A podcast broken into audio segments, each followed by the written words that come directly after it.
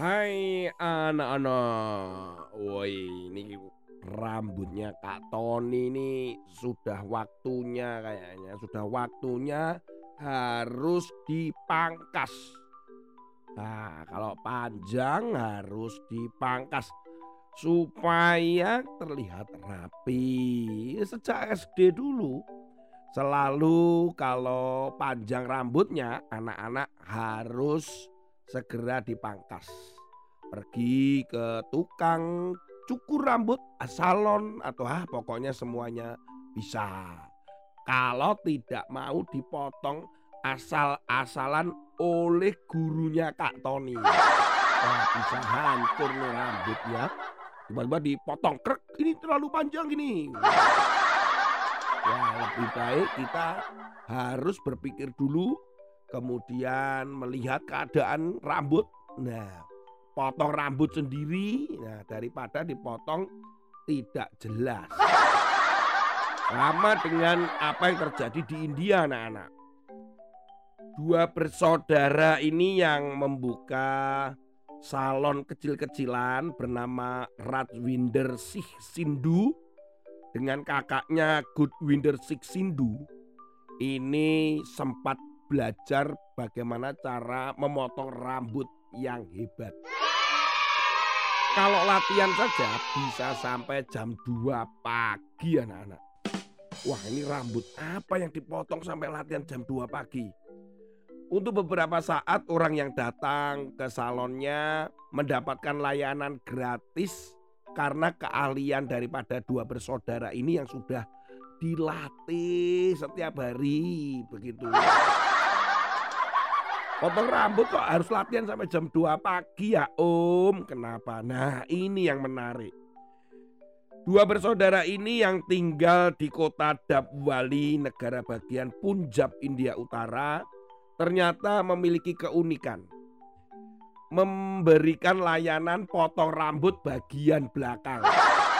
Maksudnya bagian belakang itu dibuat menjadi seperti lukisan gitu loh Wah, itu menarik sekali ya. Nah, lukisannya boleh apa saja. Dari orang ya, manusia maksudnya contohnya tokoh bintang pop Michael Jackson boleh. Mikey Mouse, wah ini Mikey Mouse ya boleh Mikey Mouse.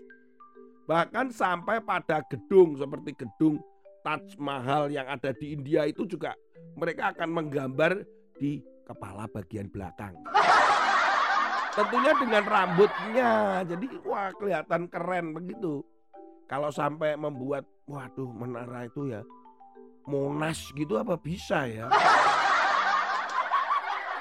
Nah tentunya pasti nggak sembarangan ya anak-anak ya. Dan awalnya gratis ternyata setelah banyak orang yang ingin dipotong seperti itu ya mereka harus membayar. Membayar kurang lebih 20 sampai 30 dolar Amerika Serikat sekitar 280 ribu sampai 420 ribu rupiah. Wow, hebat sekali ya menghasilkan uang sebanyak itu. Dan ternyata memang memerlukan alat-alat khusus ya anak-anak untuk memotong rambut karena detail sekali. Gambaran dengan menggunakan rambut dengan dipotong itu di belakang bagian kepalanya itu sangat detail. Nah, siapa yang kira-kira mau potong rambut? Apakah Kak Tony mau ke sana? Nah, memangnya Kak Tony mau terbang ke sana? Kalau mau ke sana pun harus dipikir-pikir dulu kira-kira mau gambar apa kepala bagian belakangnya Kak Tony. Nggak bisa sembarangan dong. Oke, firman Tuhan hari ini terambil di dalam kitab Amsal pasal yang ke-20 ayat yang ke-25. Suatu jerat bagi manusia ialah kalau ia tanpa berpikir mengatakan kudus dan baru menimbang-nimbang sesudah bernasar. Ayat ini menjelaskan bahwa betapa manusia itu gegabah. Gegabah itu lebih cepat bertindak, terus kemudian berpikirnya ya belakangan gitu. Karena dikatakan bahwa cepat-cepat mengatakan kudus itu berbicara tentang nasarnya. Nasar itu uh, sebuah janji kepada Tuhan untuk memberikan apa atau melakukan apa kalau doanya biasanya terkabul atau dijawab Tuhan. Jadi ketika wah aku mau misalnya contoh nih, aku mau beli mau berikan ya berikan mobil kepada dia kalau doaku dijawab. Nah, ternyata memang benar-benar sembuh atau doanya dijawab. Nah, baru berpikir, waduh kalau mobil terlalu mahal kayaknya. Gitu. Terus kemudian diganti, aku ganti saja deh mobil-mobilan. Gitu ya, itu namanya namanya terlalu terburu-buru. Anak-anak dalam kehidupan sehari-hari kita dengan kalian dan kakak Tony ini segala sesuatu itu harus direnungkan lebih dulu, dipikirkan sebelum kita mengatakan, melakukan atau berjanji kepada orang lain. Jangan sampai kemudian kita menyesal atau kemudian kita tidak menepati janji dan tidak melakukannya. Sama seperti tadi nih anak-anak, ketika kita mau potong rambut, itu harus dipikirin karena belakangnya akan digambar sedemikian rupa.